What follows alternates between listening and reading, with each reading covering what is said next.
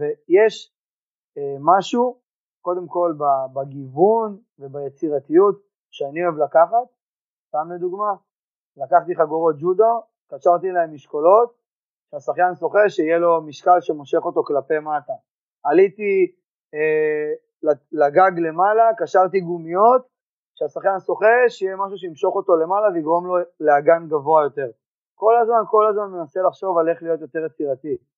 כשאנחנו יצירתיים, כשאנחנו באים עם חשק לאימון, השחיין הוא מרגיש את זה, הוא, הוא חי אותנו. מספיק שאתה תבוא עם חולצה שהיא לא טובה, חולצה שהיא לא נכונה, או אם אתה תבוא ארבעה ימים עם אותה חולצה לאימון, הם ישימו לב אליכם. הם ישימו לב אם אתם מאושרים, אם אתם עייפים, אם אתם התגלחתם או לא התגלחתם, אם הסתפרתם או לא הסתפרתם. לפעמים נדמה למאמנים שלא, שהם, בסדר, הם באו לאימון, הם רואים הכל לילדים האלה, הם רואים הכל לספורטאים. אז לפני שאתם יוצאים, לפני שאתם נכנסים בדלת לבריכה, לכל מאיפה שאתם מאמנים, תחשבו על איך אתם נכנסים. תשאירו את כל מה שהיה לפני זה, גם אם באתם עייפים, אנרגיות שליליות, באתם מאיזה פגישה שלא הצליחה, עצבנים מהילדים בבית, לבריכה, לאימון, למגרש, תבואו עם הכי הרבה אנרגיות שאתם יכולים.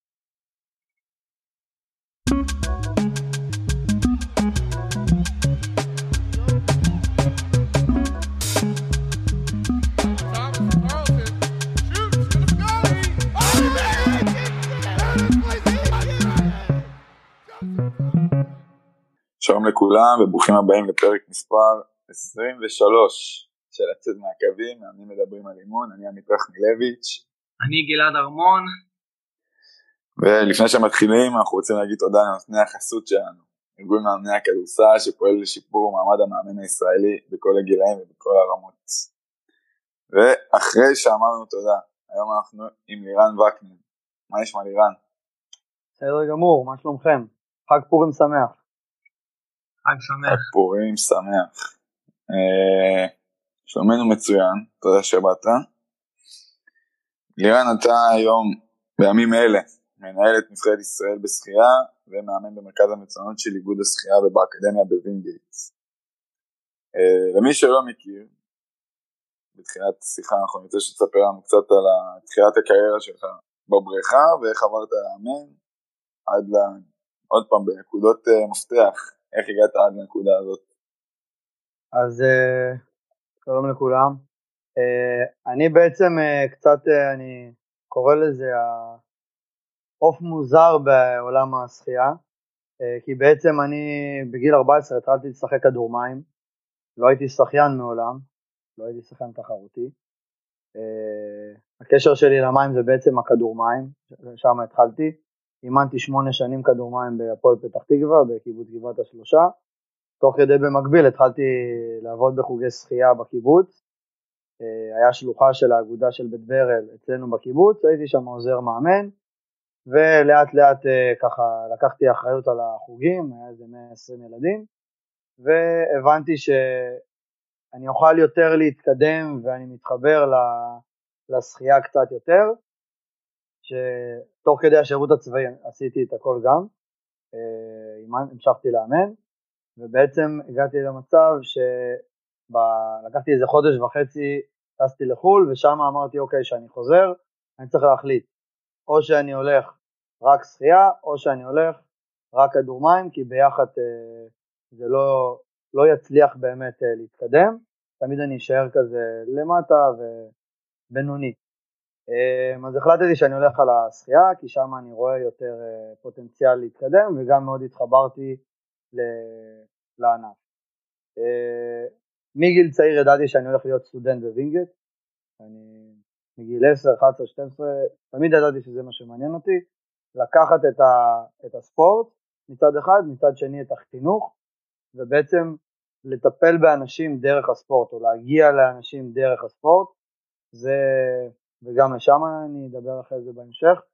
אה, אז הלכתי לעשות תואר ראשון, כשעשיתי תואר ראשון כבר הייתי מדריך שחייה, היה לי תעודת מדריך, ובסוף שנה א' התחלתי להיות מדריך באקדמיה למצוינות בספורט, מדריך חברתי, שהוא בעצם נוגע בכל הענפים, כדורסל, כדורעב, ג'ודו, אה, טניס שולחן, הכל הכל, וגם השחיינים היו שם, ושזה הענף הראשון שפתח את האקדמיה בשנת 91. אה, המאמן הלאומי דאז היה דוקטור ליאוניד קאופמן. אה, בזמן שהוא נמצא באולימפיאדה בלונדון, אה, אני מבשרים לי שהעוזרת שלו מסיימת את תפקידה אחרי שבע שנים, ואני מוצא בזה פוטנציאל לבקש להיכנס לתפקיד במקומה. במהלך התואר בשנה ג' עשיתי קורס מאמנים, שם בעצם התחברתי לליאוניד, בלי שום קשר גם אה, הייתי בן אה, כיתה של הבן שלו, אני והבן שלו היינו ביחד בכיתה, אז את ליאוניד הכרתי גם לפני, ו... וביקשתי שייתן לי את הצ'אנס. בקורס מאמנים אה, עשיתי, הייתי צריך לעשות 120 שעות של סטאז', אז הייתי גר בווינגייט, ואמרתי את הסטאז' אני אעשה אצל ליאוניד וחנן גלעד, חנן גלעד גם אימן במרכז, הוא היה מאמן הלאומי עד לפני שנה של המים הפתוחים, וליאוניד היה בלונדון, חנן היה בארץ, ואני מנסה לשכנע את חנן שאדבר עם ליאוניד ושיקחו אותי לתפקיד. וחנן אמר לי, תשמע, אבל אין לך ניסיון, אבל אה, לא היית שחיין, אבל לא היית בתפקיד.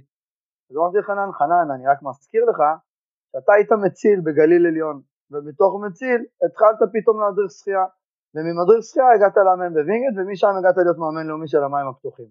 אז גם אתה לא היית שחיין. אז אה, אם תיתן לי את הצ'אנס, אני מוכן אה, לעשות את המקסימום להיות הכי טוב, ואם תגיד לי אחרי שנה או אחרי חודש שזה לא טוב, אז אני פשוט קם והולך. Uh, ואז הוא אמר לי, תקשיב, אנחנו שני גברים בצוות, אני צריך אישה. ואז הוא אמר לי שיש איזה מישהי שהיא באה לעבוד, אני כבר ויתרתי על זה, אמרתי, טוב, הם לקחו מישהי, הלכתי לאיזה אגודת שחייה, ובאתי כבר לסגור את החוזה, כאילו החוזה אצלי, כבר חתמתי עליו, אבל אז אני מקבל בערב טלפון ואומרים לי, שמע, אמ, ביום ג' זה לא מסתדר, אתה לא תספיק להגיע לאקדמיה בשבע בערב, בוא תן לי עוד יומיים לבדוק את זה. ביומיים האלה האישה הודיעה שהיא לא לוקחת את התפקיד, והיא בהיריון, והמשכורת לא מספיקה לה, ובקיצור, היא ירדה מזה. אז אני הלכתי לדוקטור מורן בצר תייר, שהייתה המנהלת של האקדמיה, ואמרתי לה, מורן, את חייבת לעזור לי, את חייבת ללחוץ על חנן ולאוניד, אני חייב את התפקיד הזה, חייב להיות שם. אה, זהו, ומשם זה די היסטוריה, אני עכשיו מסיים את השנה התשיעית שלי בתור מאמן באקדמיה ובמרכז הבוגרים, אה, ועכשיו זאת שנה שנייה שאני מנהל את הנבחרת, אה, שזה תפקיד שונה לחלוטין, אבל אחרי שש שנים כמדריך באקדמיה, החלטתי שלהגיד ילדים לרוקן את הפח וללכת לישון, וזה תפקיד מאוד חשוב, כן, אבל להיות האח הגדול שלהם ובערב ולשמוע את כל הדברים שלהם, אבל לסיים את העבודה ב-11 בלילה, וגלעד יודע, כאחד שעשה את התפקיד הזה, שלפעמים זה גם מגיע ליותר אה, שעות מאוחרות, ואז בחמש וחצי בבוקר לקום לאימון בוקר, פחות התאים לי, החלטתי שאני מתמקד רק באימון. אה, זהו, עזבתי את מכון וינגייט, חזרתי לגור בקיבוץ בגבעת השלושה, ובניתי בית, יש לי שלושה ילדים, אישה דנה מדהימה שתומכת בי בכל הדברים האלה. אה, אני בשנה כמעט חודשיים, שלושה חודשים בחו"ל, עם הנבחרת, וזהו, ניסיתי לעשות את זה כמה שיותר קצר, אבל uh, זה מה שיצא. היה ממש קצר, שמע, זה, זה סיפור מדהים, אני הכרתי חלק ממנו, לא את כולו, וזה זה אחלה שיעור לכל מי, ש, לכל מי שיש לו קצת שאיפות ו, וקצת אמביציה, מדהים, באמת. אה, אתה יכול לנסות אולי קצת לזקק את זה לאיזה תכונה או שתיים שאתה יכול להגיד לעצמך ש... בזכות, בזכות התכונות האלה הצלחת להגיע לאיפה שהגעת, כי זה לא סיפור, אה, זה לא סיפור רגיל. אמ, אז אני קודם כל חושב שהדבר שעזר לי ועוזר לי, כי גם אם נדבר על תקופת הקורונה, אז גם בתקופת הקורונה לקחתי אותה כמשהו, לבנות משהו חדש. אני חושב שהתכונה הכי בולטת אצלי זה החיבור לאנשים. אני בן אדם שאוהב אה, להגיע לנפש וללב של הבן אדם, ושם אני, לא יודע, שם אני מצליח יותר אה, לרגש אנשים, לכבוש אנשים, אני לא יודע, כאילו זה משהו שהגעתי איתו לעולם, אה, אני גם כמאמן, אני פחות אהיה המאמן הרודן, הצועק, ה... לפעמים אולי אני אהיה כזה, אבל בגדול אני אגיע ללב של הבן אדם ואסביר לו איפה הוא טועה,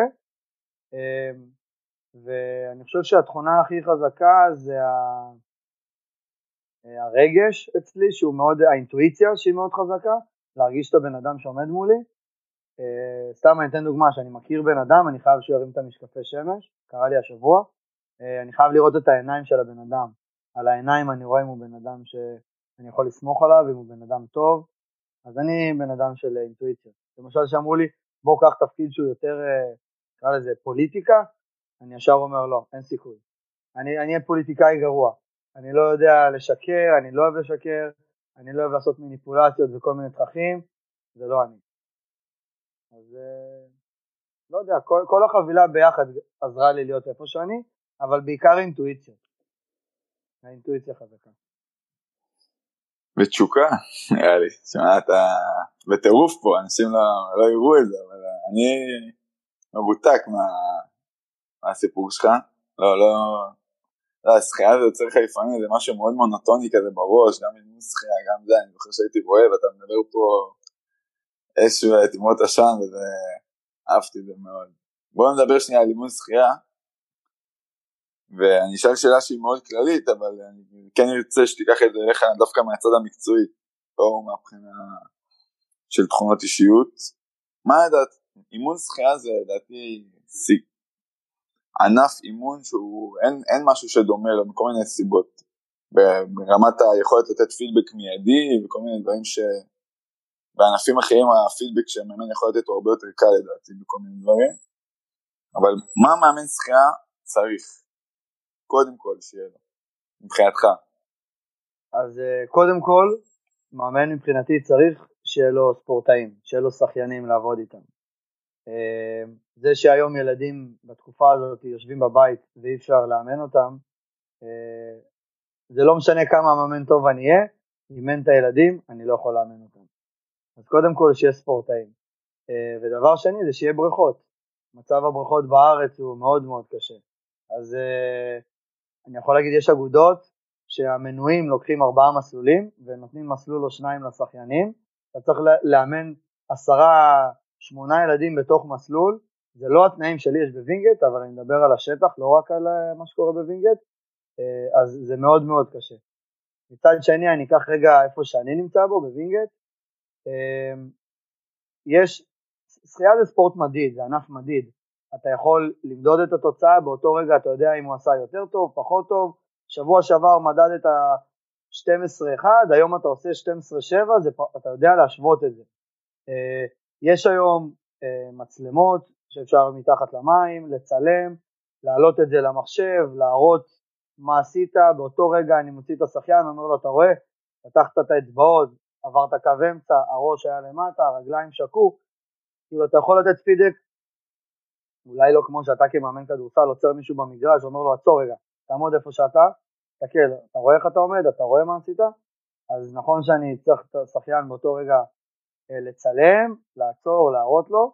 היום בעולם גם, אה, ועובדים גם שזה יהיה במכון וינגייט, אה, יש איזושהי מערכת שבעצם השחיין שוחה, היא מצלמת אותו, היא עובדת בדיליי, ואז כשהוא מגיע לקיר, הוא יכול לעמוד ולראות את עצמו שוחה. ואז הוא יכול לתת גם לעצמו את הפידבק הזה. זה למשל בהולנד זה עובד מאוד חזק, היינו שם בבריכות שהנבחרת עובדת בבריכה, כל עשרה מטרים יש לך מצלמה ואתה פשוט יכול לראות אחרי זה כל רגע נתון שעשית. אז אה, יש, יש הרבה פידבקים שאפשר, אה, שאפשר לתת.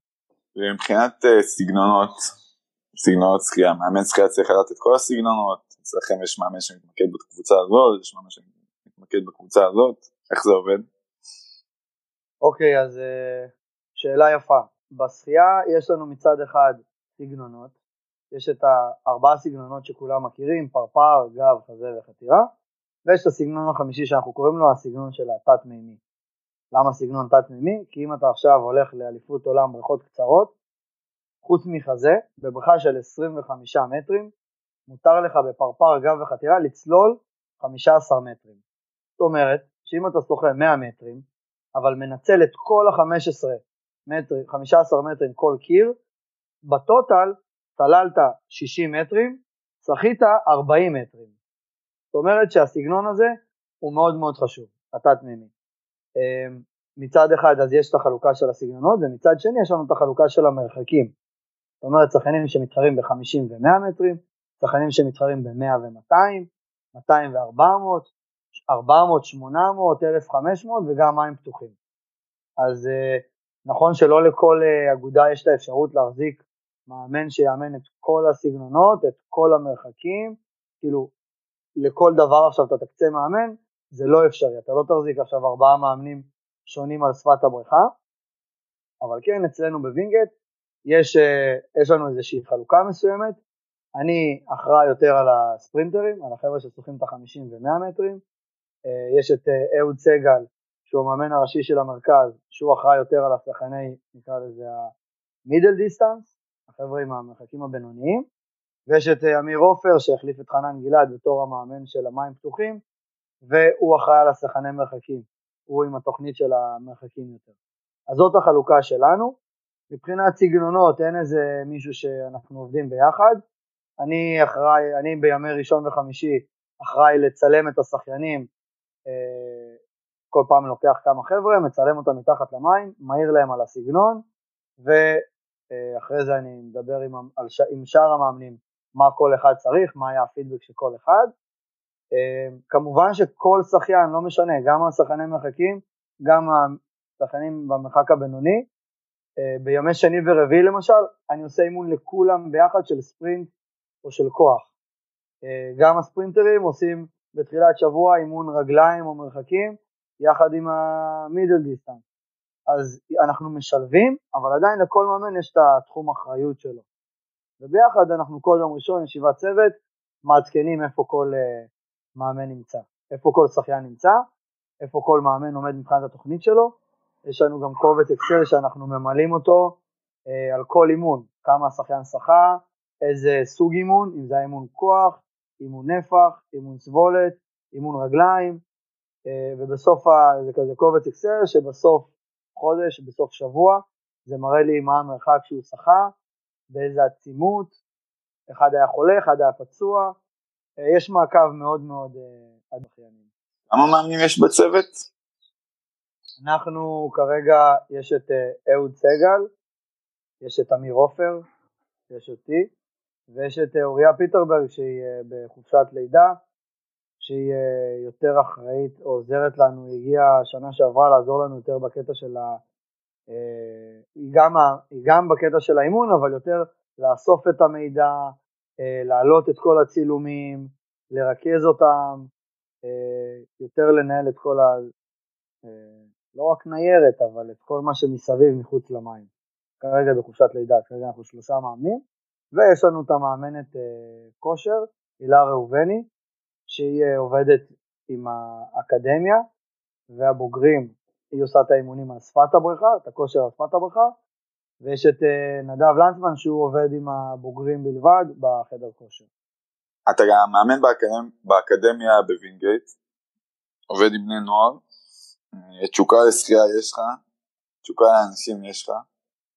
אה, מה עם הצד החינוכי, שאני בטוח שקיים גם בממד שאתה מתעסק בו, שאתה רוצה, ידעת שאתה רוצה לטפל באנשים באמצעות ספורט, אז איפה אתה מרגיש את הצד החינוכי, איפה אתה מרגיש את זה בתור מאמן, בתור עובד באקדמיה? אז אה, קודם כל, באקד... אה, לאמן אקדמיה ולאמן אה, בוגרים זה, זה סיפור שונה. אקדמיה, הצד החינוכי הוא מאוד מאוד חשוב. אם זה, סתם אני אתן דוגמה קטנה, ילד רוצה עכשיו, שחיין רוצה לצאת לאכול משהו בחוץ, מחוץ לווינגייט. הוא צריך את האישור של ההורה, הוא צריך את האישור של המדריך, הוא צריך את האישור של המאמן. בבוגרים אתה יכול לעשות מה שאתה רוצה, אוקיי? אה, באקדמיה אומרים לך מתי לישון, מתי לכבות את האור, אומרים לך, אה, יש חוקים, אתה צריך להגיע לפעילות חברתית, אתה צריך אה, לעמוד באיזשהו, בכללים מסוימים. כשאתה בוגר אתה לא עושה את זה.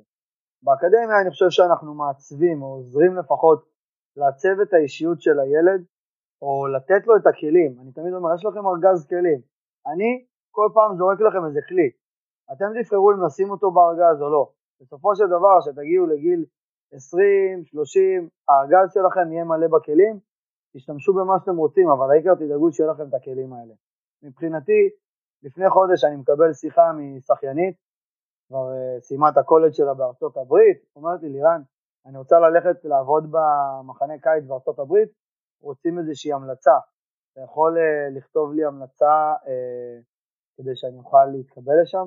מבחינתי ילדה שסיימה לפני חמש-שש שנים לשחות אצלנו בווינגייט, יוצרת איתי קשר שאני זה שייתן לה את ההמלצה, זה רק מראה לי את החיבור ש, שנוצר בין, לפחות ביני לבין הספורטאים באקדמיה, ושוב, זה תמיד, תמיד להיות שם בשבילם. אני מקבל שיחות ב-11 בלילה לפעמים, או הודעה ב-10, תקשיב לירן, יש פה ילדה שלא מרגישה טוב, היא מדממת מאף, הוא מקיא, הוא חולה, אה, לירן, אני מתרגשת, מחר יש תחרות, אני לא מצליחה לישון, אני, הדופק שלי לא יורד, אה, מבחינתי זה, זה תמיד 24/7 להיות שם בשבילם.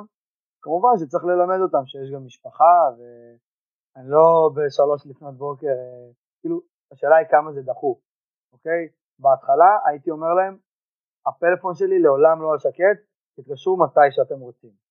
עם הזמן הבנתי שהם באמת מתקשרים מתי שהם רוצים, ואני חייב לשים איזה שהם גבולות, אחרת אני אקבל הודעות בשעות לא שעות. אז uh, הצד החינוכי הוא מאוד מאוד חשוב, uh, הם גם תלמידים, הם צריכים מאוד מאוד קשה בהתחלה לשלב בין הלימודים, בין הבית ספר, בין החברים, פתאום יש בת זוג, בן זוג, אנחנו תמיד אומרים, יש כיסא, לכיסא יש ארבע רגליים. יש לו את הרגל של הלימודים, יש לו את הרגל של השחייה לצורך העניין, את הספורט, יש לו את הרגל החברתי, ויש לו את הרגל שהיא המשפחה. ואתה חייב את ארבעת הרגליים האלה שיתמכו בך כדי שאתה באמת תמשיך להיות ספורטאי. עם כל הכבוד תהיה ספורטאי הכי גדול שאתה רוצה, אם אתה לא תלמיד ובית ספר בשפיים לא מקבל אותך, וזה קרה לי, קרה לנו באקדמיה, הבית ספר לא מקבל אותך, אתה לא יכול לבוא לשחות בווינגייט. אז אני תמיד אומר, תדאגו להיות גם ספורטאים טובים, גם תלמידים טובים, אתה, לא, אתם לעולם לא יודעים מתי הקריירה תסתיים. מצד שני אני גם אומר להורים, אם יש ילד שאנחנו רואים שהוא מאוד מאוד בולט, הוא צריך עכשיו להתכונן, הוא צריך להיות בגמר אליפות אירופה לנוער, להביא מדליה באליפות אירופה לנוער, לא יקרה כלום אם זה ייפול על הבגרות שלו. אני מבין שהלימודים חשובים, אבל גם את הבגרות אפשר להשלים אחרי זה. את הגמר באליפות אירופה לנוער הוא לא יוכל להשלים אחרי זה. אז תמיד לעשות את הסדרי העדיפויות, אם למשל עכשיו יש לי שחקנית באקדמיה שהיא השחקנית הבולטת, לא רק באקדמיה, בכלל בסיעה הישראלית, אנסטסיה גורבנקו, היא כבר קבעה את הקריטריון לטוקיו, אוקיי? היא הייתה צריכה, סתם נותן דוגמה, היא הייתה צריכה לעשות בגרות באנגלית לפני שבועיים. עצרו את הטיסות, סגר, הנבחרת נמצאת בטנריף, הם היו צריכים לחזור בתאריך מסוים ולא יכלו לחזור לארץ. היא פספסה את הבגרות באנגלית. אוקיי, מה לעשות? יש דברים יותר חשובים בחיים, ואת הבגרות באנגלית היא תשלים בקיץ, היא תשלים שנה הבאה. הבגרות באנגלית לא תברח, היא תגיע. אז תמיד אני אומר, חבר'ה, תמצאו את הבלנס, תמצאו את האיזון בין זה לבין זה. מצד אחד, אבל מצד שני, אני תמיד אומר, יש לך משהו, למשל, יש לי שחקן שיש לו בת זוג. אני אומר, חבר'ה, יש עוגה. העוגה היא 100%, אוקיי? תזכרו שאם אתם לוקחים חתיכה אחת גדולה יותר ממה שצריך, חתכתם את זה ממשהו אחר. אם אתה עכשיו לוקח הרבה שעות עם החברה, פגעת במשהו, לא משנה במה, בשיחה שלך בערב עם המשפחה, בזמן איכות שלך עם החברים, במרכז למידה שהיית צריך לשבת וללמוד, אה, באימונים שלו הגעת, הגעתם מרוכזים, משהו ייפגע. הכל זה עניין של בלנס, של איזון. לגמרי מסכים, כולל הקטע עם הבגרות, אנחנו, רוב מי שמאזין לנו בטח לא מאמן בנבחרות ישראל השונות, ואולי הסדרי עדיפויות יכולים להיות קצת שונים, אבל כמו שאמרת, באמת מי שכבר נמצא ברמה הכי גבוהה ויכול לעשות מדליה באליפות אירופה, אז הבגרות יכולה לחכות ובאמת לא חסרות, אה, לא חסרות דוגמאות בספורט שלנו לזה. אה, רוצה לקחת אותך לאיך נראה לו"ז של ספורטאי באקדמיה, כי הזכרת את זה קצת תוך כדי מה שאמרת עכשיו, אבל בן אדם קם בבוקר, הוא לא עם ההורים שלו, ההורים שלו לא מעירים אותו, הוא ישן בחדר עם עוד ספורטאי או ספורטאית. אמ, איך הוא, איך הוא קם בבוקר, מה הוא עושה כשהוא קם בבוקר, מתי הבית ספר, מה קורה אחרי בית ספר, מה קורה אחרי שהוא מסיים אימון. אוקיי, okay, אז uh, עד לפני שנה, לו"ז של שחיין באקדמיה היה מתחיל בחמש ורבע בבוקר, הוא היה צריך להיות ברבע לשש בבוקר בבריכה, ולהיות בשעה שש במים. הם היו שוחים מ-6 עד 8.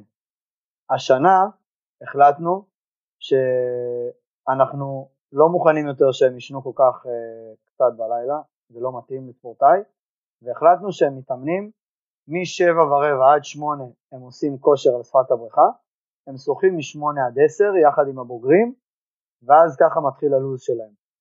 אז אה, אנחנו כמובן באישור ההורים והכל מול בית ספר, אה, בימי שלישי גם ככה הם מתחילים מאוחר, אז בראשון וחמישי יוצא שהם מפסידים שעת לימודים, וכל שחיין, שחיינים התברכו, אה, הציונים שלהם הם טובים אז אנחנו לא דואגים, אה, הם כולם, אה, רובם מצטיינים ב, בלימודים, אז דאגנו ביחד עם ההורים שיהיו אישורים, ואנחנו מתחילים בעצם את היום בשעה שבע ורבע בבריכה, כמובן שהם קמים לפני זה, אוכלים איזה מעדן קטן, מגיעים, עושים את ה dryland שלהם משבע ורבע עד שמונה, שוחים שמונה עד עשר, יש להם את הארוחת בוקר שמחכה להם אחרי, אה, אנחנו מסיעים אותם לבית ספר, או שהם בהסעה של בית ספר, אה, הולכים לבית ספר עד אחת, מגיעים לווינגייט, פעם בשבוע יש יום ארוך, אבל נדבר על יום רגיל, הם מסיימים באחת, מגיעים לווינגייט, אוכלים באחת וחצי ארוחת צהריים, הולכים לישון צהריים, ישנים משתיים עד שלוש צהריים, או עד עשרה לשלוש, מנסים לישון, אה, ואז אה, בשלוש ורבע יש להם כבר אה, עוד פעם דריילנד על הבריכה, מתאמנים ארבע עד שש, בשעה שש עושים קצת מתיחות מחוץ לבריכה, גליל, אחרי מקלחת, אחרי הכל, הולכים לחדר אוכל, ארוחת ערב, ואז יש להם זמן ללימודים, מרכז למידה, אם זה פעילות חברתית, אם זה מסדר ניקיון, שש פעם בשבוע. הלו"ז הוא מאוד מאוד עמוס, הוא מאוד מאוד צפוף, אבל אני חושב שאחרי כמה חודשים שאתה בתוך הצפיפות הזאת, אתה כבר לומד, אה, אתה כבר לומד לנהל את הזמן שלך. אני חושב שאחד הדברים הגדולים והחשובים שהאקדמיה עושה, זה מלמדת חניכים וספורטאים לדעת לנהל את הזמן שלך נכון. שבן אדם היה אומר לי, אין לי זמן, אני לא מוצא זמן, זה לא יכול להיות. בן אדם שרוצה למצוא את הזמן שלו, הוא ימצא את הזמן. אם אני רוצה למצוא זמן לעשות משהו, אני אמצא אותו, אני רק צריך לרצות את זה, זה הכל. אבל בגדול ככה נראה הלו"ז. אמ, באקדמיה יש, אה, חשוב לי לציין את זה, דיברתי על המאמנים, אבל באקדמיה יש מעטפת רפואית, מעטפת מנטלית, עוטפים אותם מכל הכיוונים. יש לשחיינים פעם בשבוע שיחת קבוצה. אני וכל השחיינים יושבים יחד עם ארנון צפריר, הפסיכולוג של הקבוצה, ועושים שיחה. וכל שחיין יש לו שיחה אישית. פעם בשבוע, פעם בשבועיים, כל אחד לפי הצורך שלו, ובנוסף יש גם את ה... אה, הרי דיברנו על זה שהם חוזרים מבית ספר, אני אמרתי לכם מנוחת צהריים, אבל איפה הם הכניסו את הפיזיותרפיה? איפה הם הכניסו את השיחה עם הפסיכולוג? בדרך כלל, או את התזונאית, בדרך כלל זה מגיע בזמן הזה, בזמן של השעה הזאת שאתה אמור לנוח צהריים, שם בדרך כלל אתה יכול ללכת לפגוש את אה, עינב גרוסמן שהיא התזונאית של האקדמיה, אם אתה רוצה לפגוש אותה ואתה צריך לפגוש אותה, זה הזמן, אז אין לך מנוחת צהריים באותו יום. אז אין מה לעשות, צריך להתמודד גם עם זה, אבל אה, זהו, בגדול אני חושב שהם באמת, הם, אנחנו עוטפים אותם בכל הכיוונים, מצד אחד, ומצד שני גם לא צריך לעטוף יותר מדי, כי הם צריכים להתמודד עם, ה, עם הדברים וללמוד איך אה, להסתדר. אחרי זה שאתה מגיע לקולג' בארצות הברית, זה סוג של דרך של שחיינים, יש הרבה שחיינים שנמצאים בקולג', שעוברים בקולג'ים בארצות הברית, אחרי הצבא, אתה צריך להתמודד עם מערכת הרבה יותר גדולה, לא יבואו ויעטפו אותך בהכל, אבל מצד שני גם כן ייתנו לך את מה שאמרתי, את המסביב פה. אה, זה מעניין, כי אתה מתאר פה שגרת יום של ווסט אה, פוינט אה, ישראלי, משהו, כל הכבוד לספורטאים האלה, גם כל הכבוד למאמנים. אני מעניין אותי אם כאילו יש כאלה שאתם מראיינים אותם ומבינים שזה פשוט לא בשבילם, מראש, המודל הזה. כאילו, לפני ששחיין מגיע אליכם לאקדמיה, הוא עובר איזשהו סיווג מסוים? אז uh, האקדמיה, לפני שאנחנו מקבלים ספורטאי, אנחנו צריכים, קודם כל יש לנו את הרשימה המאוד מאוד ארוכה, שאנחנו מסמנים מי בכלל יכול מבחינת התוצאות. עד לפני uh, ארבע שנים, שהיו אה, חנן ולאוניד בתפקיד, אז הם היו רואים מישהו פוטנציאל, אה, היו מחליטים להביא אותו, או שהם היו, היה טבלת אה, רודולף שהם היו מסתכלים על התוצאות שם, והם היו בוחרים. היום באקדמיה יש, אתה צריך כבר בינואר להגיש רשימת מועמדים, אתה צריך לעשות כל מיני מבדקים, יש את הספורט הישגי שבודק את מי אתה מביא, אנחנו לא הולכים על כמות אלא יותר על איכות, והעלינו את הרף מבחינת התוצאות, אנחנו לוקחים את התוצאות של חצי גמר אליפות אירופה לנוער ולשם אנחנו אה, מנסים לכוון.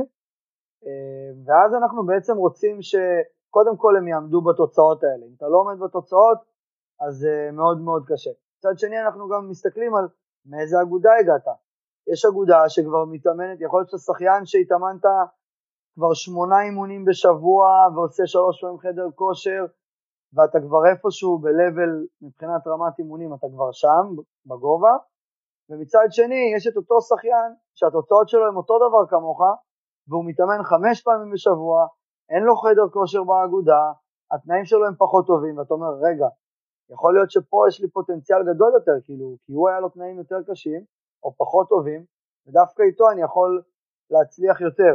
אז אנחנו מסתכלים גם על השטח של מה קורה באגודה שהם נמצאים, גם על התוצאות שלהם, ואז אנחנו מתחילים, לצערנו, אה, הקורונה שיבשה לנו את זה, אבל בגדול היה מתוכנן, כבר הייתה הזמנה לכל אה, שלושה שבועות להזמין את המועמדים, מדצמבר עד אה, אפריל לעשות מספר אה, מפגשים, ואז שמה לסנן, להגיע לקבוצה קטנה יותר, שם אנחנו, יש איזה מבחן שהאקדמיה נותנים מטעם הפסיכולוגים שהם אה, ממלאים, ואחרי זה גם נותנים איזשהו פידבק על ה... איך, איך הפסיכולוג לפי ה... מה שהם עשו, לפי השאלון הזה, אם יש איזה שהם דברים שהם רואים שאנחנו צריכים כמאמנים לדעת. אה, יש אה, בדיקה מקיפה שה...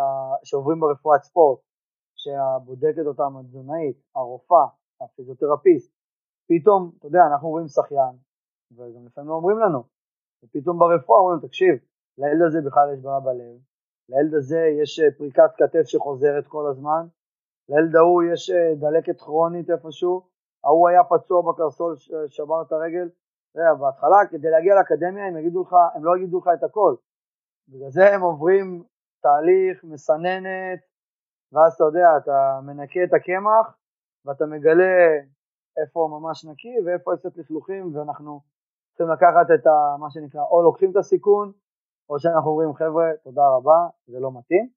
לעומת זאת, שנה שעברה היה לי שחיין שרצה מאוד להגיע, התאים מבחינת התוצאות, אבל בבית ספר הוא לא התאים, הציונים שלו לא הספיקו. ורצו שהוא יהיה שייך לכיתת אייל, כיתת אייל זה כמו כיתת מב"ר, זה כאילו כיתה קטנה יותר בשפיים, והם לומדים רגיל, וידענו שהוא לא יוכל לעמוד בלו"ז של השחיינים. אז החלטנו שאנחנו לא לוקחים אותו, ואמרנו לו, תקשיב, יש לך עכשיו שנה לעבוד קשה, לשפר את הציונים, להתאמץ, ו- ונראה, אולי שנה הבאה. ובדיוק לפני שבועיים האבא שלו שלח לי שהוא מעוניין להגיע לאקדמיה, ושהוא שיפר את הציונים, ו- ונראה. אז uh, יש תהליך uh, ארוך, זה לא, זה לא, שומע, אני רוצה להגיע לאקדמיה, אני יכול? וזה קורה, זה קורה. לפני חודשיים קיבלתי שיחה מאבא, הילד שלי שוחה בחוגים באיזה עיר בדרום, uh, הוא רוצה להגיע לאקדמיה. אמרתי לו, אוקיי, מה התוצאות שלו? לא יודע, הוא עוד לא שחקן תחרותי, הוא עוד לא מתחרה, הוא בחוגים. אז אמרתי לו, תקשיב, הוא צריך לעבור איזשהו תהליך, הוא עוד לא... אתה לא מתקשר למאמן נבחרת ישראל בכדורסל, אומר לו, אני בא להיות אה, עמרי כספי ואני עכשיו רק בקדטים. אה, זהו. שמע, זה מדהים, זה גם, זה אחלה מנוע בשביל, אה, בשביל ספורטאים צעירים לדעת ש... שזה מורכב יותר מאשר רק לקפוץ למים ולשחות הכי מהר שלך. בסופו של דבר צריך להיות גם בן אדם שלם, כמו שתיארת קודם את הארבע רגליים של הכיסא, ואם אתם מצליחים לעזור לילד גם לשפר את הציונים שלו בבית ספר, מה שאחר כך אולי גם יוכל לעזור לו להיכנס לאוניברסיטה שהוא ירצה בארצות הברית, אז uh, נראה לי שהספורט הישראלי מרוויח גם מזה וגם מזה. אני אה, רוצה לעבור איתך לעוד, uh, לעוד נושא שהוא מאוד מעניין אותנו כי אנחנו שנינו במקור מאמנים בענף שהוא קבוצתי במהות שלו, לא שלא מפתחים אה, כדורסלנים באופן אישי, אבל הספורט עצמו הוא קבוצתי, ובשחייה אולי זה דווקא ההפך, זאת אומרת הספורט מוגדר כענף ענף אישי, ענף יחידני, מצד שני יש אלמנט קבוצתי, תיארת קודם, אתם מתאמנים בקבוצה וגם יש שליחים, אם אתה יכול לספר קצת גם על, ה, על הסתירה שיש לפעמים בין האישי לבין הקבוצתי, וגם איך אתם מצליחים לשלב בין הדברים. אז uh, נגעת בנקודה, אמרת זה ענף אישי, אבל uh, שתי נקודות באמת המרכזיות זה זה שאתה מתאמן בקבוצה, למרות שזה ענף אישי, ומצד שני השליחים. אז uh, זה לא שאין אנשים שמתאמנים לבד. היום uh, יעקב תומרקין הוא מתאמן עם ליאוניד קרפמן בגדול אחד על אחד. נכון שיש לו יריב אימונים את דוד גמבורג, ושדוד לא נמצא אז ליאוניד מבקש גם מאיתנו שנגיד דניס לוקטב יתאמן איתו. עדיין שחיין צריך שיהיה לידו מישהו, הוא צריך את המישהו הזה שייתן לו את, ה, את הדרייב כזה, אתה יודע, להתחרות, כי אתה שחיין תחרותי, אתה אוהב את התחרות, אתה רוצה להתחרות במישהו. אם עכשיו יגידו לך תרוץ, מספיק שישימו לידך מישהו שירוץ קצת יותר מהר, או קצת מאחוריך, ואתה יודע שהוא נושב לך בעורף, הוא יגרום לך לשחות טוב יותר. Uh, תדמי, עכשיו סתם דוגמא, הנבחרת הייתה במחנה אימונים בטנריף. Uh, לטוס לשלושה שבועות, להיות לבד, אחד על אחד עם המאמן. אני חושב שמנטלית זה הרבה יותר קשה. ברגע שאתה טס, אתה מסיים את האימון, מה אתה עושה? אתה יוצא מהמים, מה אתה לבד עם עצמך, מדבר עם אנשים כל היום בטלפון? יש לך את הקבוצה, יש לך את החברה, אתה ביחד. מצד שני אנחנו יודעים שבתוך הנבחרת, בוא נדבר על הנבחרת רגע, כמו כל, בכל קבוצה, יש ערבויות. לצורך העניין, אנסטסיה גורבנקו ולאה פולונסקי, שתיהן רוצות להשיג את הקריטריון לטוקיו ב-200 מעורב. אנסטסיה השיגה אותו, זה אומר שלאה חייבת להשיג אותו, היא לא יכולה להיות כת בי, אוקיי? היא תשיג אותו, אני מאמין שהיא תשיג אותו, היא הייתה תשע מאיות בתחרות האחרונה, אה, וזה יקרה. למשל, דניס לוקטב, מתחרה 200 חתירה שנים, הוא היה מתחרה עם תומר פרנקל, 200 חתירה. גל גרומי, 200 חתירה. הם עדיין החברים הכי טובים. הם עדיין יודעים שזה שהם יעזרו אחד לשני, דניס ירצה לעקוף את גל, זה יגרום לדניס לשחות מהר יותר, גל ירצה לעקוף את דניס, זה יגרום לגל לשחות מהר יותר. בסוף הם מושכים אחד את השני. הקבוצתיות פה היא מאוד מאוד מאוד חשובה. ברגע שאחד נופל, אם יש לו קבוצה, היא תרים אותו. אם יש אחד שהוא רוצה להיות למעלה, סתם דוגמה, קח עכשיו דלי, תשים מלא מלא סרטנים בתוך הדלי. הסרטן אחד, רק אחד רוצה להמשיך לטפס למעלה. השאר רוצים להישאר למטה, לשחק בבינוניות. האחד הזה הוא לא יצליח לעלות. כל הזמן הסרטנים האחרים ימשכו לו ברגליים ויגרמו לו להישאר למטה. אז אם יש לך אחד שרוצה להגיע למעלה ואתה רואה שהשטח שלו, הסביבה שלו, היא לא עוזרת לו לצמוח, תדאג שהוא יגיע למקום שהסרטנים האחרים יעשו אחד על השני מגדל כדי שהוא יגיע ללמעלה ולא ימשכו אותו למטה. ואני חושב שאם יש למישהו את התנאים להיות, גם אם זה באגודה, אם יש לשחקן את התנאים כדי להמשיך להתקדם, כדי להיות טוב, כדי לצמוח, יש לו את כל המעטפת שצריך כדי להמשיך ולהיות טוב, שימשיך במקום שלו. אבל אם, אני חושב, זו הדעה האישית שלי, אני חושב שאם שחיין, מאמן, המשפחה, רואים שיש מישהו אחד שהוא בולט הרבה מעל האחרים, ומאוד מאוד קשה לו להמשיך ולבלוט, כי יש אחרים שמונעים ממנו את זה והם שומרים עליו בבינוניות, תגרמו לו להגיע למקום ששם הוא יוכל להמשיך ולהתפתח. ואל תפחדו לקחת את הצ'אנס, ואל תפחדו לבוא ולהגיד למאמן, וואלה, אני רוצה לעבור, לא יודע, אני לא אדבר על אגודות אחרות, אז אני רוצה לעבור לאקדמיה, שם אולי אני אצליח יותר. אני רוצה לעבור לאגודה ששם יש יותר בוגרים, או שחקנים שהם ב-level גבוה יותר, או אני ספרינטר, אני רוצה לעבור לאגודה שיש שם ספרינטרים יותר טובים. אני יודע שקשה למאמן לשחרר את הילד שהוא גידל מגיל שמונה, אבל בואו ננסה רגע לחשוב על מה טוב לילד. כי אני בטוח שאם הילד הזה יצליח, אתה תרגיש גאווה עצומה, לפחות אני, ארגיש גאווה מאוד גדולה. אני תמיד אומר, הייתה לי שחיינית בווינגייט, שבאה ואמרה לי, לירן, אני לא, אני לא מאושרת פה, לא טוב לי פה. ואמרתי לה, תקשיבי, לא משנה מה התוצאות שאת משיגה פה, אם את לא מאושרת, תחזרי הביתה. תהיי במקום שטוב לך. בן אדם, אני שלשום אמרתי את זה לילדים בבריכה, לשחקנים. שני דברים חשובים. קודם כל שתהיו בריאים, דבר שני שתהיו מאושרים. אם אתם תהיו מאושרים ותהיו בריאים, אתם תוכלו להמשיך להתאמן, תוכלו להמשיך לעשות את מה שאתם אוהבים, ואם אתם תעשו את מה שאתם אוהבים באהבה ובאושר, זה יהיה הרבה יותר טוב מאשר שאתם תהיו מדוכאים ולא תרצו לבוא לבריכה ולא תרצו להמשיך לעשות מה שאתם עושים. אז כשאתם נכנסים, לא משנה אם זה למגרש כדורסל, לכר הדשא, לאולם הג'ודו, לשחייה, לקפוץ בשש בבוקר שבחוץ גשם, ברד, זה לא כזה פשוט. אבל אם אתם עושים את זה באהבה ובאושר, אתם תעשו את זה הרבה יותר טוב. ואותו דבר המאמנים, תגיעו עם חשק, תגיעו עם אנרגיה, תגיעו כדי להעביר את האנרגיה הזאת במגרש. אני באישיות שלי, אני מאוד שונה באיך שאני מעביר את האימון, בגלל זה אני גם יותר אחראי על הספרינטרים, כי באתי מעולם הכדור מים, וכדור מים, לקחתי אתכם רגע למקום אחר. כדור מים הוא מגיע, הוא מגיע ממקום של מלא מלא ספרינט, מלא מהירות, מלא כוח, ושמה, בגלל זה שמה יותר הצלחתי עם הספרינטרים, נכון שגם אימנתי שחיינית שעשתה את uh, שיא הנוער ב-200 פרפר, אבל את השיא הישראלי הראשון עם תומר זמיר זה היה ב-50 פרפר, ואחרי זה שאימנתי את מירון חירותי זה היה שיא ישראלי ב-50 פרפר, ויש uh, משהו, קודם כל בגיוון וביצירתיות שאני אוהב לקחת, סתם לדוגמה, לקחתי חגורות ג'ודו, קשרתי להם משקולות, שהשחיין שוחה שיהיה לו משקל שמושך אותו כלפי מטה. עליתי אה, לגג למעלה, קשרתי גומיות, שהשחקן שוחה שיהיה משהו שימשוך אותו למעלה ויגרום לו לאגן גבוה יותר. כל הזמן, כל הזמן מנסה לחשוב על איך להיות יותר יצירתי.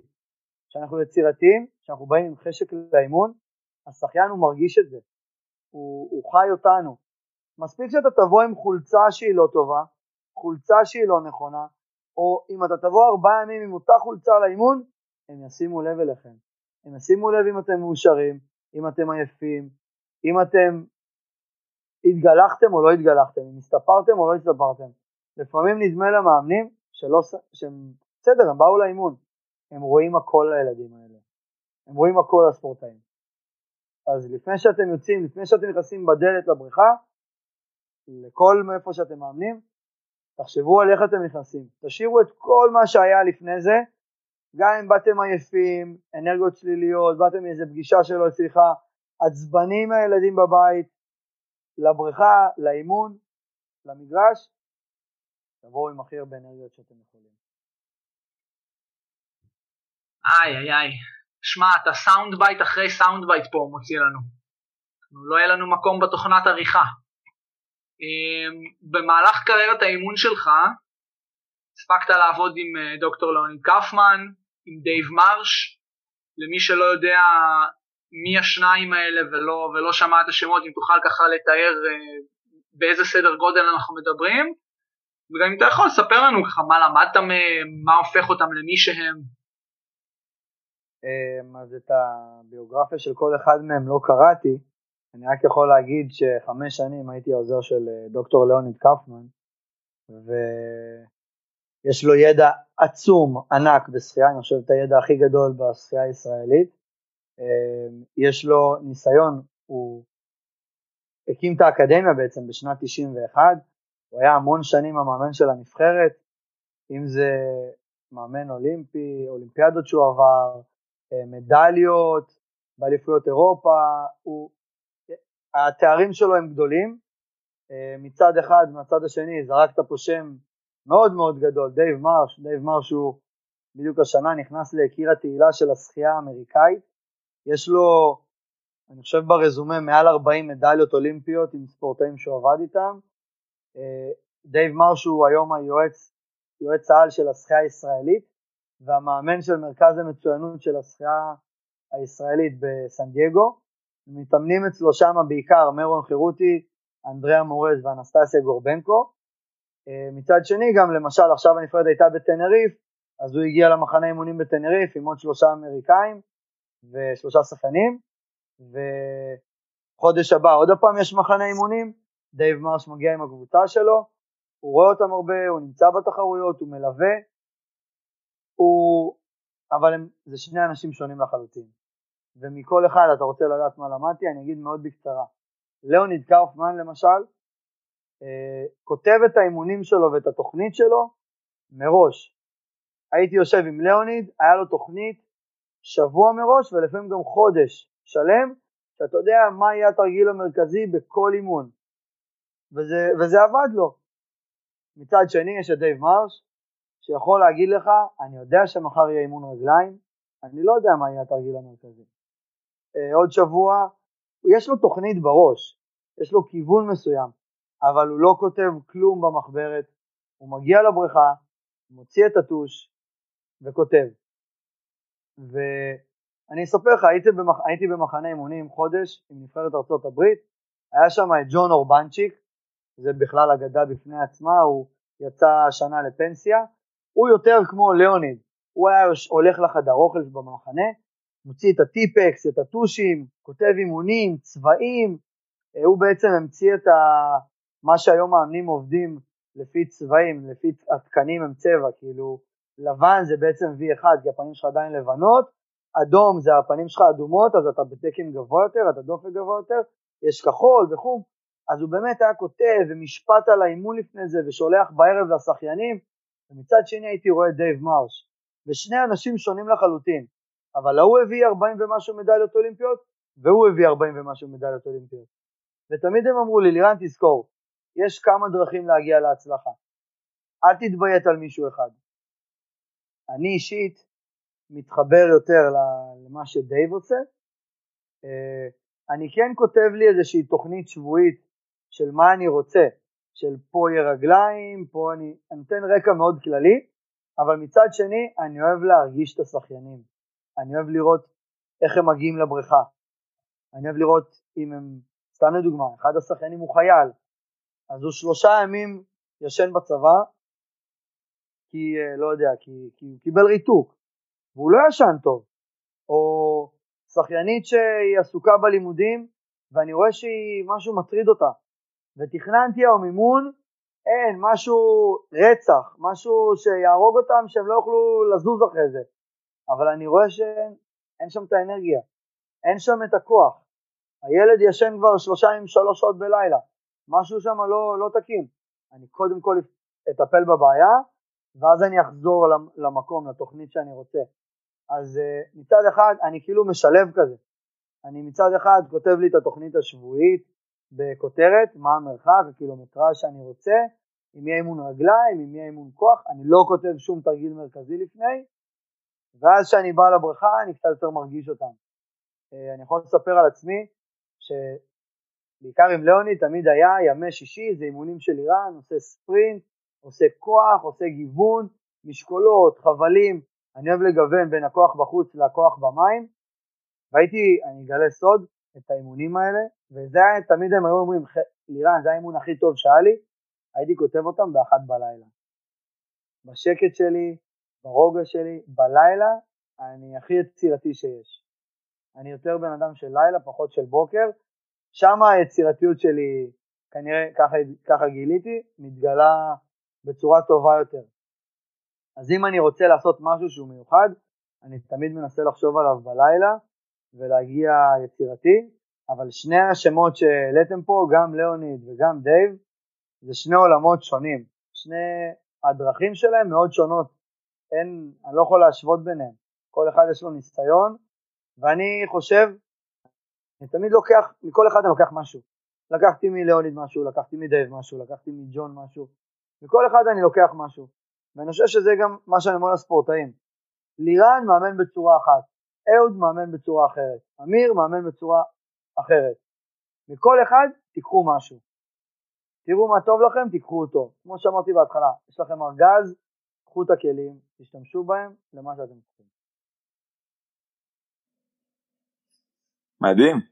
אה, תשמע, אני מודה שאני ככה, אתה מנפץ לי פה מלא דברים אימון שחייה. אני חושב שרק בשביל זה היה שווה לעשות את הפרק, גם אנחנו לא יודע מה נעשה איתו.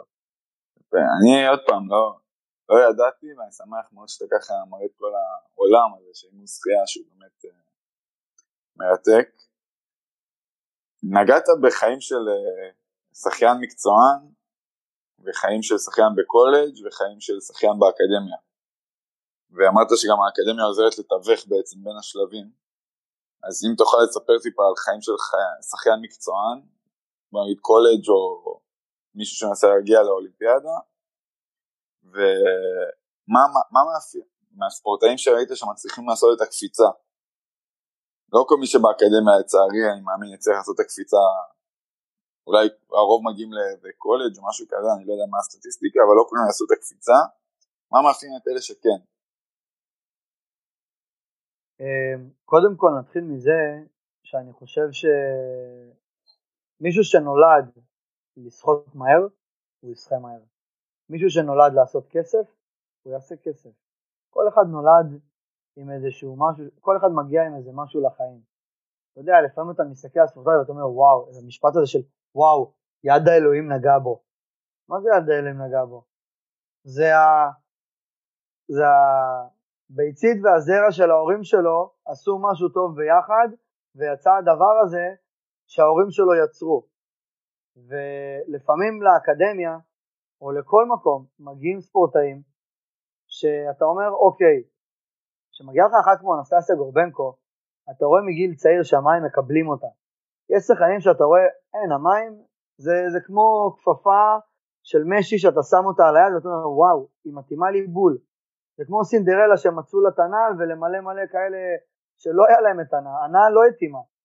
אז יש כאלה שאתה רואה שהם נלחמים במים, ואתה רואה שהם מנסים בכל הכוח, אבל אין להם את, ה, את החשיבה, אה, למשל מרון חירותי, שגם שחקן שקבע את הקריטריון לטוקיו ב-50 חתירה כבר, הוא היתרון שלו זה החוכמה, האינטליגנציה התנועתית שלו.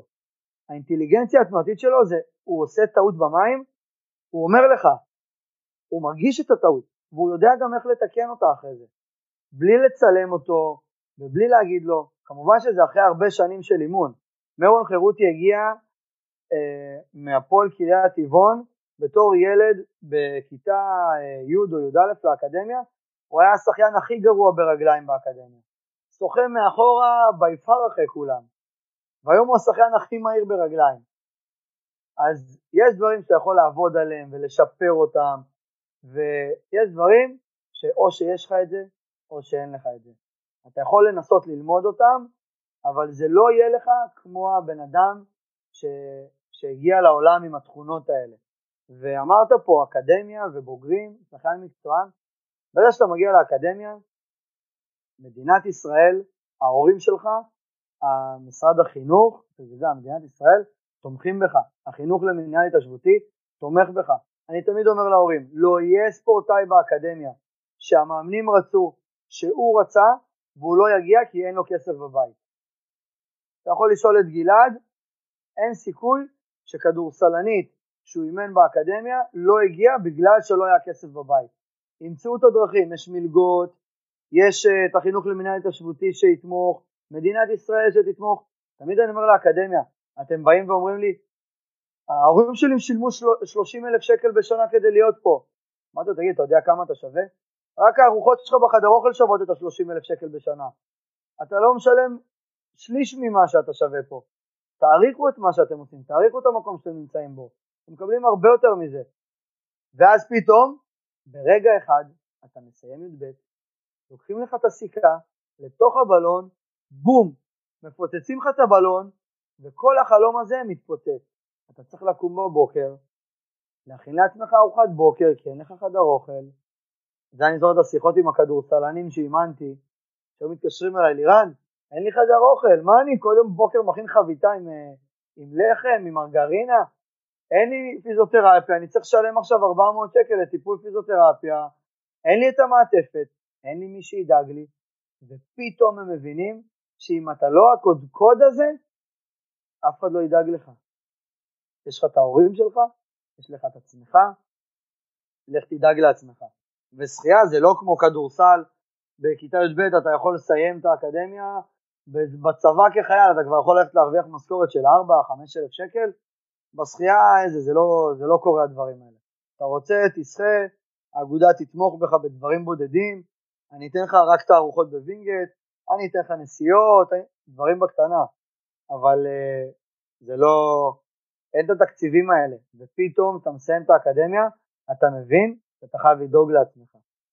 ואז בגלל זה הרבה חבר'ה רוצים לטוס לקולג', כי בקולג' אתה מקבל תואר על חשבון המכללה, אתה אוכל שם, אתה ישן שם, וזאת, אתה בעצם, חבר'ה שבאקדמיה מכירים את זה, חבר'ה שלא, פתאום אומרים וואו מה זה דואגים לי להכל, אז אה, שם או קולג' או אקדמיה דואגים לך לכל דבר. כשאתה באמצע, כשאתה מחוץ לאקדמיה, תדאג, נסיעות של ההורים, בית ספר, לא כל בית ספר, הרבה ילדים רוצים להגיע לאקדמיה כי בית ספר, הוא לא מתחשב בהם. הם מפסידים בית ספר ולא מצליחים להשלים את החומר. יש בתי ספר שתומכים, יש בתי ספר שלא תומכים. בווינגייט יש כיתות וינגייט. אם בראשון, שלישי וחמישי הם מגיעים מאוחר לבית ספר, כיתת וינגייט אתה לא הפסדת את השיעור. הכיתה לא למדה כי כל הכיתה היא וינגייט. אז יש אה, תמיכה. וכשאתה לא נמצא בקולג' או באקדמיה זה מאוד מאוד קשה. מאוד קשה להיות ספורטאי. לפי דעתי בישראל אין מספיק תמיכה בספורטאים, אין את המנטליות של הספורט, את הדחיפה ואת ה... להביא אותך למקום הזה. אה, אולי בקוד... את הקודקודים יכול להיות שתומכים בהם, גם לא מספיק, אבל אני אגיד לך משפט, אני אגיד לך משפט אחד, כשאני מדבר, ואני מדבר עם הרבה מפקדים בצבא, כדי לעזור לחיילים שלנו בווינגייט, הם אומרים לי משפט, חמוד, אל תשכח שקודם כל הוא חייל. ולא נעים לי להגיד, הוא לא קודם כל חייל, הוא קודם כל ספורטאי שרוצה וצריך ויכול לייצג את מדינת ישראל. ובשבילי שילד הולך ואומרים לו, חייל, תהיה שש שעות בבסיס ותגרוס ניירות או תשקה את הדשא, אני מצטער. בגלל זה הוא לא ישן צהריים ומגיע לאימון עייף. אז uh, נגעתי בעוד נקודה שכואבת לי, אבל הייתי חייב. הרגשנו את הכאב שלך. Uh, טוב, אנחנו נכנסים כבר לחלק כמעט האחרון של השיחה, ואנחנו אחרי שנת מגיפה, שלא פסקה על השחייה, גם נגעת בזה כל מיני חלקים בשיחה. אה, ואני וגלעד קראנו גם ראיון שלך לפני כמעט שנה שהתחילה הקורונה ואיך אתם התמודדתם, התמודדתם עם זה באקדמיה ובנבחרות. אז אני אשמח שתיתן ככה סקירה של השנה האחרונה וכל מיני... דיברת הרבה בראיון שקראנו על יצירתיות ואיך אתם ביצירתיות התמודדתם עם כל מיני אתגרים שהקורונה הביאה אלינו, אז אני אשמח שתיתן לנו ככה סקירה של השנה האחרונה בשחייה הישראלית ואיך היא עברה עליך. אז uh, האמת היא שהיא התחילה בהתחלה מאוד מאוד קשה. Uh, סגרו את הבריכה, חודש וחצי היינו בבית, uh, בתקופות מסוימות סגרו את האקדמיה, השחיינים לפני שבועיים לא ישנו באקדמיה, עדיין הם מחולקים לקפסולות, אה, אז איגוד השחייה באמת, אה, אין לי מילים להגיד, מנכ"ל איגוד השחייה והיושב ראש, אה, יושב ראש איגוד השחייה סימון דוידסון ומנכ"ל האיגוד אמיר טיטו, החליטו שהאקדמיה, בשבוע שהם באקדמיה הם ישנו באקדמיה, ובשבוע שהם לא באקדמיה, איגוד השחייה יתמוך בהם והם ישנו בבית הנבחרות, הם ימשיכו את התוכנית בווינגייט, הם ממשיכים את הפעילות כדי לא להיפגע, אה, בהתחלה, בהתחלה זה היה מאוד קשה, היינו עושים אימונים בזום, הם היו עושים אימונים עם האגודה שלהם, אה, היו שחיינים שהייתי עושה איתם אימון אחד על אחד בזום, הייתי יוצא לרוץ אצלי פה בקיבוץ, ששחיינית רצה בבית שלה, ואחרי זה אנחנו מסיימים, אנחנו עושים כזה וידאו, אני מעביר לה אימון, אנחנו קוראים לאבא שלה שהיא תעשה אגרוף, אז אבא שלה שם את הכפפות והיא עושה עליו את האגרוף, או נתנו לכל אחד אה, ציוד הביתה כדי שיוכל להמשיך את האימונים. היו שחיינים שקנו בריכה של חמישה מהם הביתה, קנו גומייה שהם קושרים כזה לעמוד והם שוחים במקום, כי הדבר שהכי יכול להיפגע זה תחושת המים, אבל הם עשו הרבה הרבה מאוד כושר, הם מאוד התחזקו בתקופה הזאת, וגילינו שהם הגיעו אחרי זה, כל מה שהיה קשור למהירות וכוח, הם שמרו על הרמה ואפילו הגיעו ברמה טובה יותר, אה, זה היה מאוד מאוד מפתיע לטובה. במרחקים הקצרים, בספרינטים, ששם זה לא הנפח האירובי, הסבולת, אלא יותר הכוח אה, חשוב, הבנו שהם לא נפגעו וזה היה מדהים. וגם בגלל זה החלטנו שאנחנו, אם פעם היינו עושים dryland על שפת הבריכה שלוש פעמים בשבוע, היום עושים dryland על שפת הבריכה כל יום, בוקר וערב. אמ, זה היה בהתחלה מאוד מאתגר, אבל שוב, ברגע שיש לך קשר טוב עם הספורטאי, אז אתה מדבר איתו ביום יום, אני סתם, אני אתן לך דוגמה, הייתה ספורטאית שהציגה קושי מסוים, הבנתי שיש שם קושי מנטלי מאוד קשה, וסתם חיפשנו את הדרך איך אנחנו משתחררים קצת. יום אחד שיחקתי את הארץ עיר בזום, עשינו אני והיא ארץ עיר אחד נגד השני. הודעתי לה מראש שאני אקרא אותה, שאני לא אוהב להפסיד, ואבא שלי לימד אותי מא' ת' את הארץ עיר בעל פה בכיתה ג' ואמר לי אם אני מעיר אותך אתה תדע את הארץ עיר, אמרתי לו ברור, אז אמרתי לה מראש תהיי בחשבון שאני אקרא אותך אבל בוא נשחק, אה, כך קרה, אבל אה, תהיה יצירתי. כשאני אומר יצירתיות, יום אחד שחיין, אני אתן לך דוגמה, היה צריך לעשות 10-100 ובמאה השמיני הוא היה גמור, כבר לא היה לו כוח, אמרתי תקשיב, אני שם סנפירים, אני עושה סיבוב ריצה מסביב לבריכה עם הסנפירים, אתה צריך להספיק לעשות את המאה מטר. נראה מי מנצח, אני או אתה. עכשיו אתם אומרים, מה, אבל שחיין ב-level הזה, ברמות הגבוהות, שחקן שהיה מדליסט אליפות אירופה, אין לו מוטיבציה. לכל שחיין לפעמים יש את הירידה הזאת. והוא היה לבד, זה היה אימון שהייתי איתו אחד על אחד. שמתי את הסנפירים, עשיתי ריצה, ודאגתי שהוא עוד 100 מטר הזה, ועוד שחה אותו יותר מהר. אז תמיד ת, תפעילו את היצירתיות, היצירתיות זה, זה הדבר הכי חשוב. השחיינים בווינגייט הם מחכים לימי שני ורביעי שאני אעשה להם את האימונים האלה של הספרינט, של הכוח, הגיוון הוא הדבר אני חושב אחד החשובים במיוחד בשחייה. בוא נהיה רגע תכלס, שחייה זה ענף משעמם. לשחות מקיר לקיר, מקיר לקיר, זה, זה משעמם. כל הזמן אתה רואה את אותו דבר, אותם בלוקים, שום דבר לא משתנה.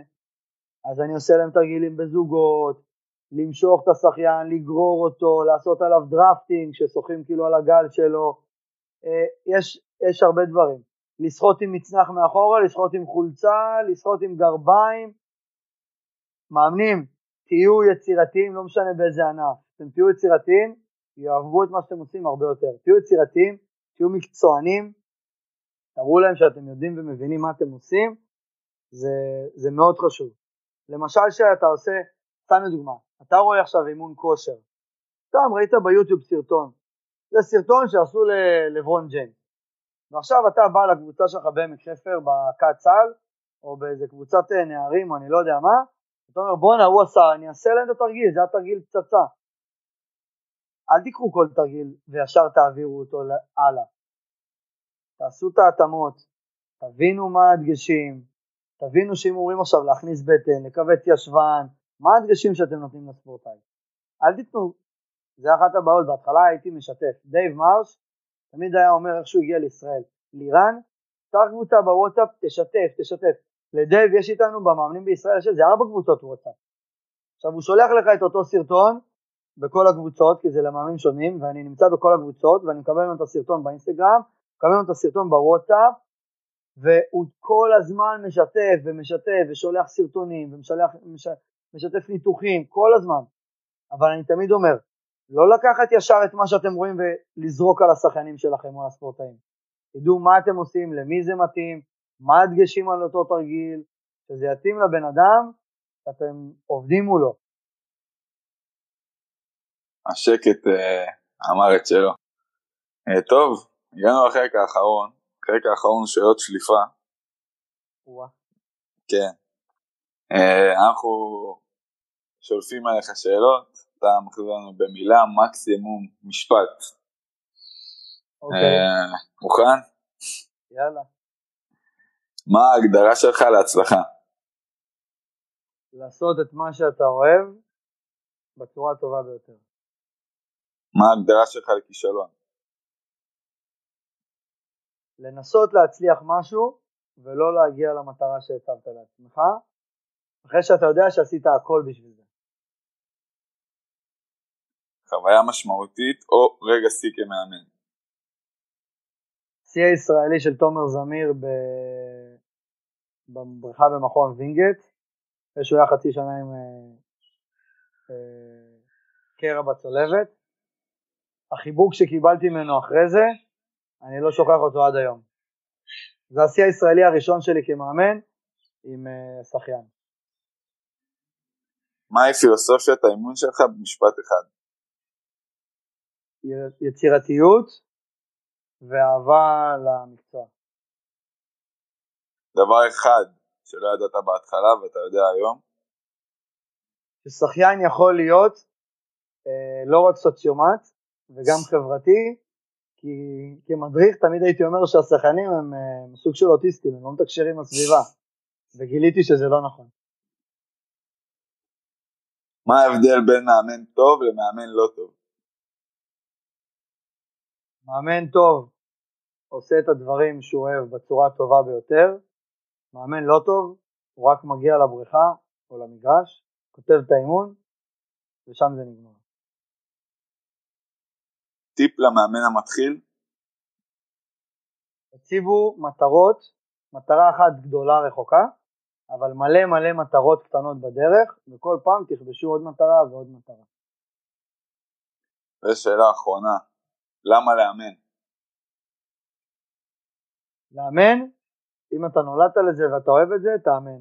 כי כסף, אתה לא תעשה בזה, לפחות בענף שאני, לפחות בענף שאני נמצא בו. לירן, היה מצוין.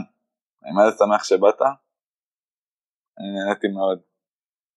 מדהים, תודה. אני אגיד משפט אחד, אה, באמת, לכל ה...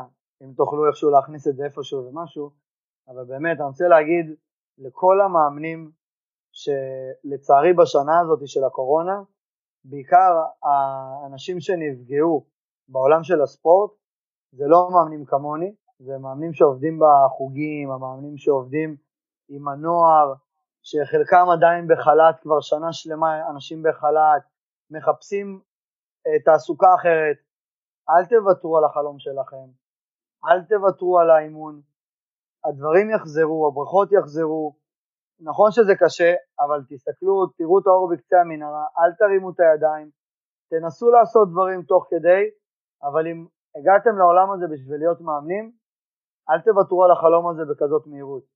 תמשיכו לחלום, תמשיכו להציב את המטרות, ותנסו לעשות את הכל כדי לעשות את מה שאתם אוהבים. ושיהיה בהצלחה לכולם. אמן. תודה רבה לירן. בנימה זו, תודה רבה לך, תודה רבה לכל מי שהקשיב.